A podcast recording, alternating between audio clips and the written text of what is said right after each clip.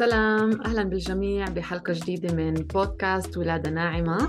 إيه، معكم روان أبو تاي عواد مؤسسة منصة ولادة ناعمة على الإنستغرام ومؤسسة أكاديمية ولادة ناعمة لكل ما يخص الولادة الشمولية والولادة الواعية. اليوم ضيفتنا هي إيه، ياسمين مدكور. إيه، ياسمين هي معالجة نفسية حسب ال somatic therapy صحيح؟ والعلاج ومعالجة جنسية كمان. أهلا ياسمين. أهلا روان أهلا شكرا كثير كثير على قبول الدعوة. كثير بيسعدني تكوني معي في البودكاست. أهلا بك أنا مبسوطة إن أنا معاكي حبيبتي ياسمين.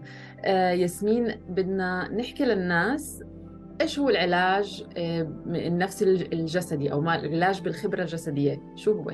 somatic therapy بالانجليزي آه. العلاج التوجهات السوماتيك أو التوجهات الجسدية بشكل عام بتنظر للشخص من خلال الجهاز العصبي وبنتعامل مع الشخص ككل. يعني مش بس أفكار ولا مشاعر ولا سلوكيات بس لكن كمان آه، الجانب العصبي وبنشوف الشخص كله على بعضه آه، بجهازه العصبي وإزاي ردود أفعاله جزء كبير جدا من القصة اللي جسمه بيحكيها وازاي وإيه اللي جسمه شايله. آه، التوجه أو المدرسة مدرسة العلاج بالخبرة الجسدية أو ال somatic experiencing هي واحدة من التوجهات دي واحدة من أكبر المدارس في المجال ده. آه، مدرسة اسسها بيتر ليفين دكتور بيتر ليفين من من حوالي 50 سنة تقريبا تم تطوير المدرسة دي الطريقة العلاجية دي أو التقنية العلاجية دي. واللي واحدة واللي هي يعني من أكثر العلاجات تأثيرا وجذرية في علاج الصدمات وعلاج اضطراب كرب ما بعد الصدمة. وأي شيء بالأساس كان أصله صدمة أو كان ليه آه، تاريخ صدمي يعني. طب أنا كإنسان حابب يتوجه للعلاج السوماتيك. إيه، كيف بعرف إنه أنا لازم أتوجه لهذا العلاج تحديدا؟ أو شو اللي بخليني أتوجه له إيه، يعني أنا مريت بصدمة أو يمكن ما بعرف. فكيف بختاره؟ يعني أو شو الأشياء اللي بتخليني أقول إنه هذا هو العلاج المناسب لإلي؟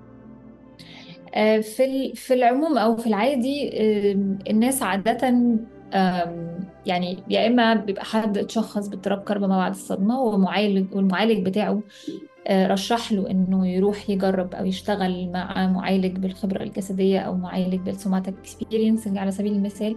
لو ما كانش المعالج بتاعه بالفعل آه، ده واحدة من المدارس أو الأدوات اللي هو بيستخدمها في العلاج في علاج العملاء بتوعه.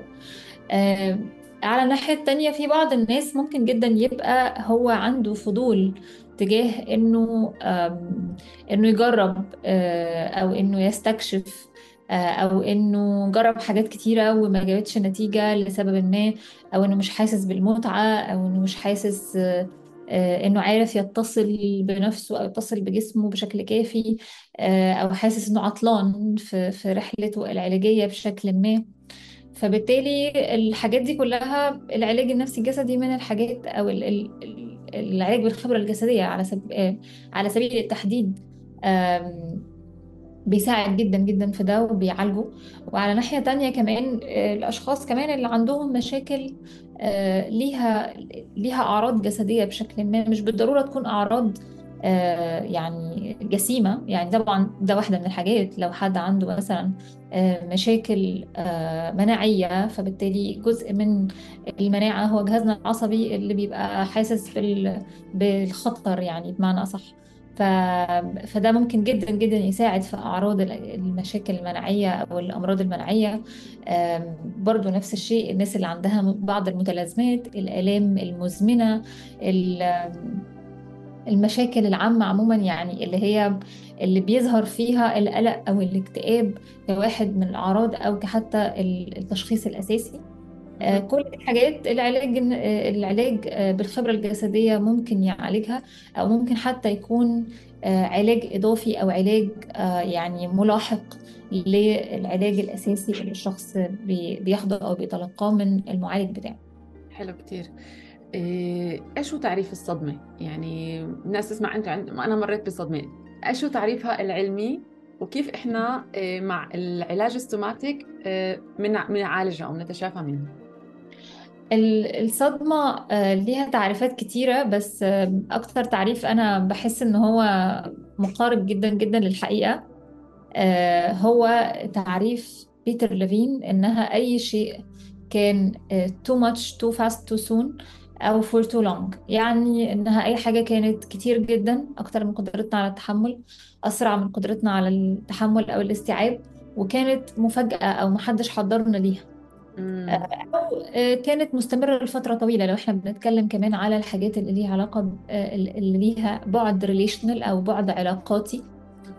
آه، فالتعريف ده للصدمة بيخلينا نشوف الصدمة إنها حاجة relative جدا نسبية جدا لكل شخص على حسب الشخص ده في اللحظة دي كان آه، متصل مع مصادره أو لأ. حالة جهازه العصبي كانت مدياله ساعة تحمل كافية أو لأ. هل الشخص ده كان عنده آه، مصادر كافية وعنده دعم كافي في اللحظة دي أو لأ.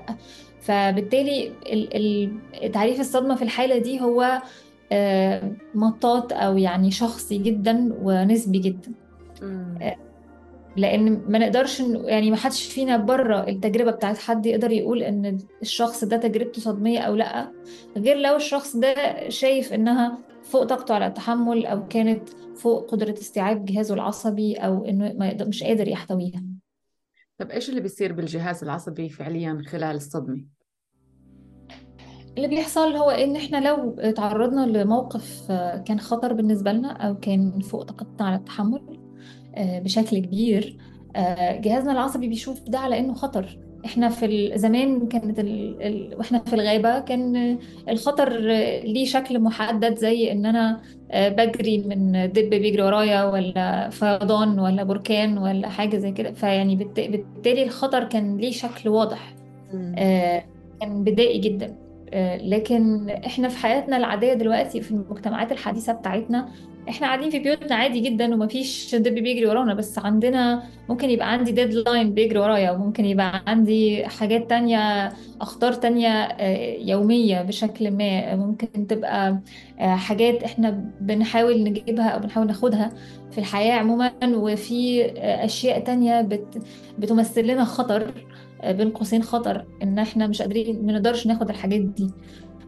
فبالتالي بس جهازنا العصبي مش بيعرف يفرق ما بين الديدلاين والدب اللي بيجري ورانا في في الغابة. فبالتالي طبعا أنا هنا بتكلم لو ال deadline ده آه، فوق فوق طاقة حد على تحمل ومش بالضرورة إن إحنا نكون يعني ده مش معناه إن دي تراما عشان بس أوضح يعني وما يسقش الفهم ده. لكن لكن جهازنا العصبي بيبتدي react آه، من من نفس المكان اللي كان بي بيدير آه، أماننا في الغابة هو نفس الجهاز العصبي أو نفس الجزء من جسمنا وجهازنا العصبي اللي بيدير أماننا برضو.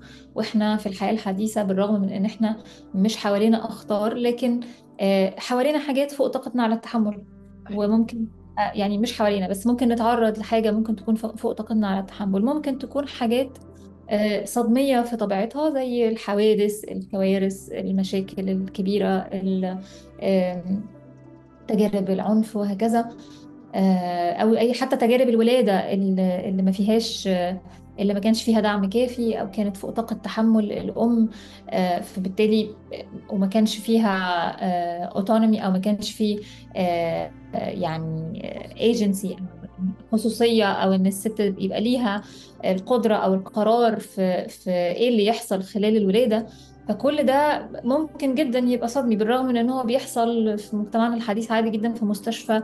هي آمنة آه، آه، تقنيا لكن الأمان هو إحساس داخلي بالأساس وبالتالي هو تجربة شخصية. ممكن الاثنين يمروا بنفس التجربة واحد منهم يبقى عنده صدمة من التجربة دي وحد تاني لأ.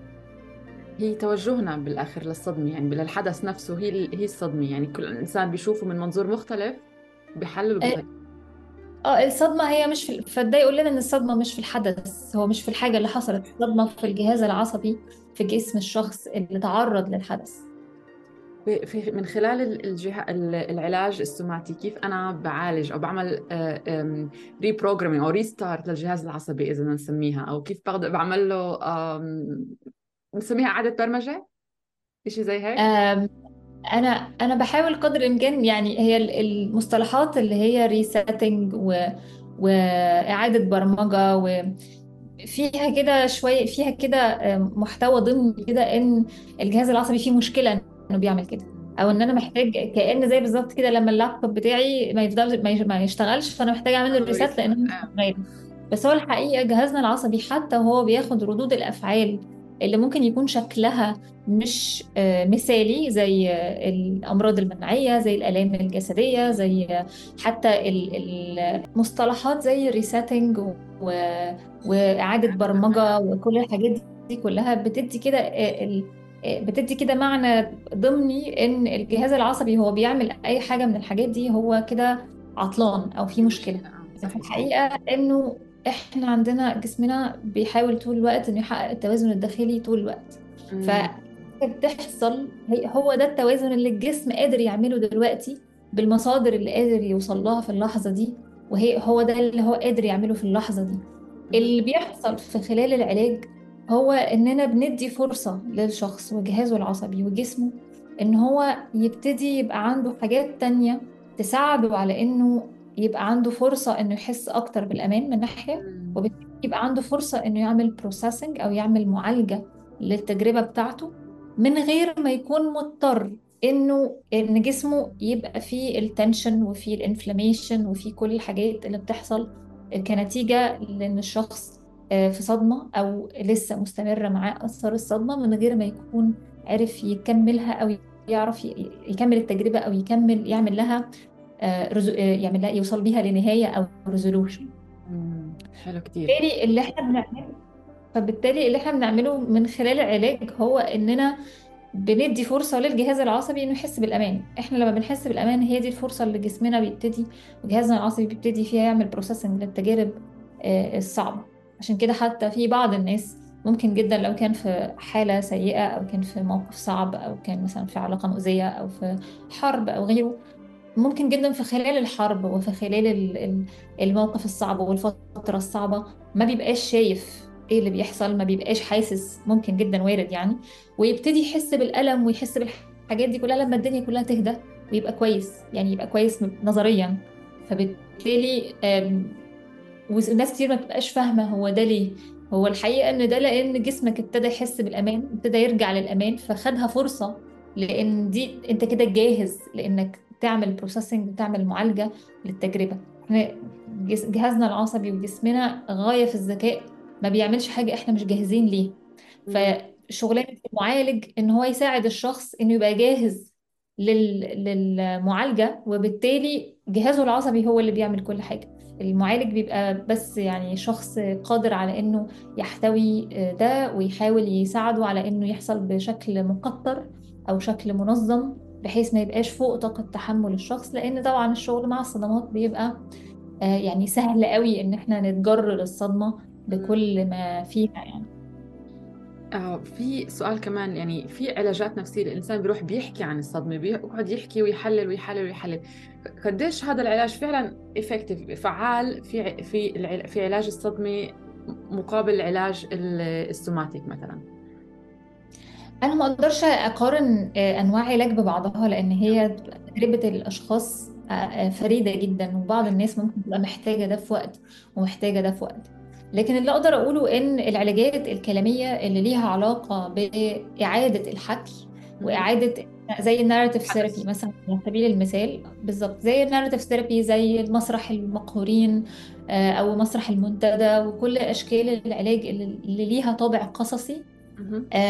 مش طابع حكي يعني طابع قصصي بمعنى إن القصة بنستخدمها كأداة كأداة كأداة علاج مش أداة تنفيس بس. يعني بالتالي ده بيبقى ليه طريقة وليه ضوابط وليه حاجات بتساعد الأشخاص إن هم يحسوا بالأمان ويحسوا بالتمكين من خلال القصة اللي هم بيحكوها فبالتالي ما بتبقاش مجرد إن أنا بحكي وخلاص.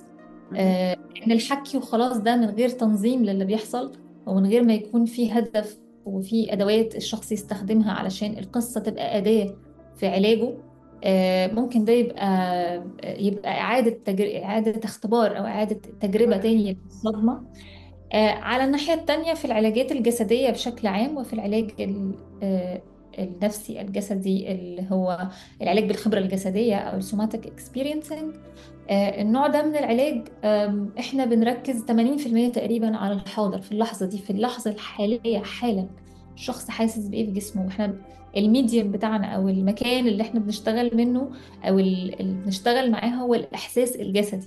الشخص حاسس بإيه؟ ال sensation اللي حاسه في اللحظة دي. إيه اللي إيه اللي حاسه؟ إيه اللي واصل له؟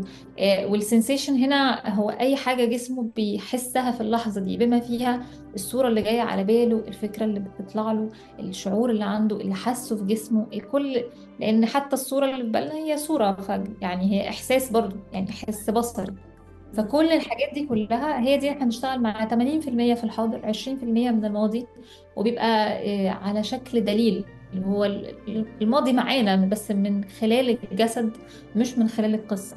فده بيدي فرصة أكبر لأن إحنا ما نبقاش محبوسين في القصة من ناحية وده بيدي فرصة لأن الجهاز العصبي يشتغل من مكان بري فيربال من مكان بره المنطق وبره العقل المنطقي اللي بيحاول يحلل ويحاول يلاقي حلول. آم، بنبتدي فبنشتغل مع نفس المكان اللي بتحصل فيه الصدمة. أو حلو كتير. إيه بالنسبة لصدمات الطفولة الطفل اللي بمر بصدمات هو ما واعي هو ما حللها تمام؟ مثل طفل بعده عم يولد كمان مر بصدمة الولادة. قديش تأثير هاي الصدمة إيه بيأثر على حياته وعلى أنماطه مستقبلا. إحنا بنتكلم على صدمة الولادة ولا صدمة الأطفال في العمر يعني صدمة بصدمة الولادة بنكمل نطلع معها بالعمر. آه، الأطفال في أول ثلاث سنين بالذات آه، بيبقى عندهم مرونة نفسية عالية جدا جدا جدا لأن مخهم وجهازهم العصبي بيبتدي ينمو وبتحصل وصلات عصبية أسرع. يعني سريعة جدا جدا. أنا مش فاكرة بالظبط الرقم دلوقتي بس هو سريعة بشكل مهول جدا في أول ثلاث سنين.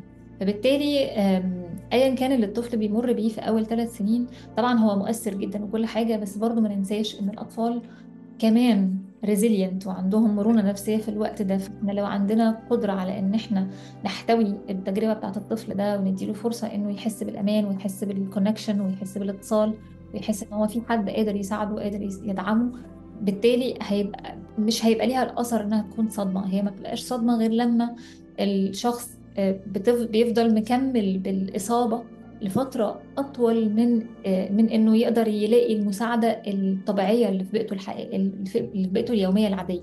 أو في أو حتى في الموقف نفسه اللي حصل فيه الصدمة. فبالتالي آه، ولو ده استمر وأعراضه استمرت. لأن برضو إحنا مش كل موقف صعب بنمر بيه بالضرورة بيكون صدمة.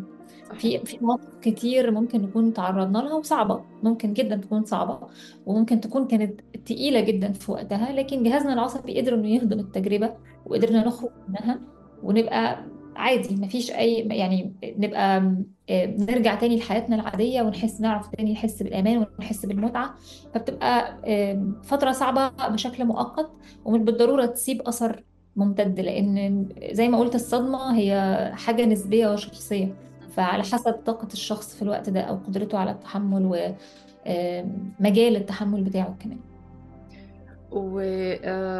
وحكي يعني واحدة من العلاجات هي إنه نتواصل مع طفلنا الداخلي صحيح؟ طبعا كيف يتم هذا الإشي؟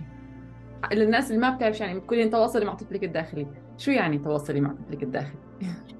طيب إحنا تجاربنا في الطفولة كلنا مش بالضرورة تكون كلها كانت لطيفة ممكن جدا يكون كتير مننا كان عنده احتياجات ما قدرش ياخدها كان عنده مر بتجارب كانت صعبة آه، الأشخاص اللي كانوا قائمين بالرعاية عليه أو الوالدين ما كانوش بيدوا الاحتياجات الكافية أو ما كانوش آه، بيسمعوا له أو ما كانوش بي- بيرعوه أو ممكن جدا آه، في بعض الأحيان ممكن كمان كانوا أشخاص عنيفين سواء نفسيا لفظيا أو جسديا. وبالتالي الصورة بتاعتنا عن طفولتنا وصورتنا إحنا الداخلية عن إحنا كنا مين وكنا شكلنا عامل إزاي بتبتدي بتبقى متأثرة بتجاربنا دي. وممكن جدا الاحتياجات اللي الطفل الداخلي بتاعنا أو وإحنا أطفال ما كانش ما كانت ما كانوش بي آه، ما كانش بياخدها أو الطفلة الداخلية دي ما كانتش بتاخدها. آه، ممكن جدا الاحتياجات دي تفضل مكملة معانا ونفضل عندنا إحساس بالاحتياج للحاجات دي.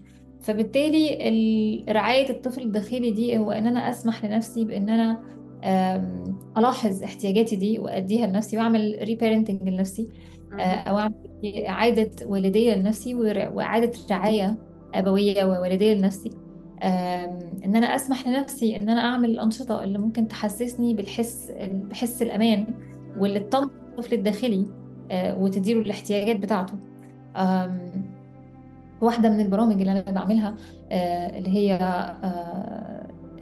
هيلينج انر ماذر أو شفاء الأم الداخلية. آه، لما بنتكلم عن صورة الأم الداخلية هو ده مختلف يعني ده مختلف شوية عن هو يعني كل حاجة بتصب في بعضها بالتأكيد. بس آه، صورة الأم الداخلية هي الصورة بتاعت الأم اللي إحنا بنشوفها في حياتنا في تجربتنا الشخصية. في طفولتنا حتى لو الأم دي اتغيرت على مدار الوقت أو حتى لو كان البرسبشن بتاعنا أو الانطباع بتاعنا عنها في الطفولة مختلف عن لما كبرنا وفهمنا وعارفين إيه اللي بيحصل. الوصلة ما بين ده وده وإن إحنا نقدر نقبل الصورتين دول ونوصلهم ببعض ونقدر نتواصل مع آه، طاقة الأمومة في العموم في الحياة سواء من الأم الحقيقية بتاعتنا أو من صور للأمومة مختلفة حوالينا أو من صديقاتنا. اللي بيلعبوا دور الأمومة آه، مع أولادهم أو في حياتهم عموما بشكل عام. فالتواصل مع الشعور ده أو مع الحس ده أو مع الطاقة دي بيدينا فرصة إن إحنا نعرف نغفر لأمهاتنا من ناحية ونسمح لنفسنا إن إحنا نستقبل الأمومة بتاعه ستات تانية في حياتنا. الأمومة كفعل عام كفعل رعاية. ممكن جدا يحصل من الصديقات من الأقارب من اشخاص من معلمين من مدرسين من حد قريب مني من منتور بتاعي. ف, ف... يعني قدرة على استقبال ده بتتأثر طبعا على من بتتأثر بالقدرة على الاتصال مع الأم في الطفوله حلو كتير عظيم جدا. آه، امرأة مرت في صدمة ولادة كانت عم تولد ولادتها ما كانت آه، زي حكينا في كتير أسباب ممكن تسبب لصدمة ولادتها. وبعد الولادة عم بتمر باكتئاب ما بعد الولادة. كيف آه، بتشتغلي مع امرأة زي هيك؟ أولا إحنا يعني مين اللي بيقول إنها مرت بصدمة ولادة؟ ده موضوع برضو يعني إيه بالنسبة لها ده؟ إيه اللي هي حاسة؟ ليه هي مسمياها كده؟ ده بيبقى أهم من إن هل هي مرت بده أو لأ. فدي حاجة. الحاجة التانية وهي إن آه، بنشتغل مع بعض إزاي؟ بنشتغل على آه، يعني على حسب طبعا كل حالة بس في الأساس ممكن نشتغل على الحاجات الاحتياجات اللي هي كانت محتاجاها آه، في فترة الولادة أو اللي خلى تجربة الولادة بتاعتها آه، مش أفضل تجربة ممكنة. وفي نفس الوقت طبعا لأن الأمهات في الموقف ده بتبقى لسه أم جديدة لو هي جاية في البداية يعني مش جاية بعد مثلا سبع ثمان سنين ولسه الموضوع مكمل معاها.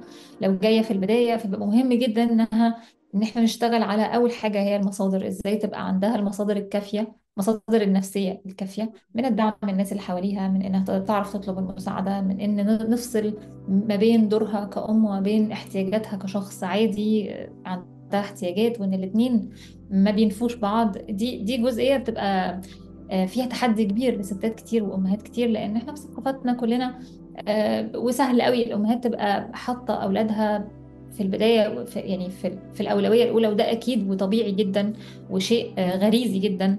أو يعني شيء طبيعي إنه يحصل لو حصل. ف لكن في أمهات كتير بتنسى احتياجاتها وممكن جدا ما تكونش لاقية الدعم حواليها لأن إحنا في عصرنا الحديث دلوقتي الأم ما بقتش تولد في وسط العيلة وفي وسط الجارات وستات كل ستات العيلة كلها بيبقى حواليها فبالتالي مش لاقية الدعم بتاع القبيلة ده إن هم يرعوا الولد معاها ولا 40 يوم بيساعدوها في كل حاجة لحد ما تقدر تنتقل من إنها بتولد لحد إنها تبتدي تتعود على الحياة الجديدة دي. دلوقتي الأمهات بتبقى محتاجة تتأقلم مع الوضع الجديد يعني لوحدها أو معاها مامتها فترة محدودة أو معاها أختها فترة محدودة وما بيبقاش في الدعم الكبير ده. واللي طبعا يعني فتغيير كبير في حياة الأمهات طبعا. فبالتالي إن إحنا نعرف إزاي نتحرك للتغيير ده الأول. وان إحنا نعرف نتأقلم معاه قبل حتى ما نشتغل على أي صدمات لأن الشغل على الصدمات مهم إنه يكون مسنود بالدعم ويكون في آه، قد يبقى في يبقى الشخص عنده ال resiliency الكافية. فإحنا بنبني بنبني resiliency أو المرونة النفسية من ناحية علشان نقدر نعمل معالجة للتجربة الصعبة اللي هي مرت بيها. وفي نفس الوقت التجربة الصعبة اللي هي مرت بيها لما بيتعمل لها معالجة ده بيزود برضو الريزيلينسي بتاعتها. عظيم جدا. بما إنه إحنا وقتنا محدود بحب أسألك هيك إذا إيش في رسالة أخيرة آه، ياسمين بتحبي توجهها للمستمعين والمستمعات للبودكاست أحب أوجه كلامي للأمهات إنها آه، تسامح نفسها قدر الإمكان.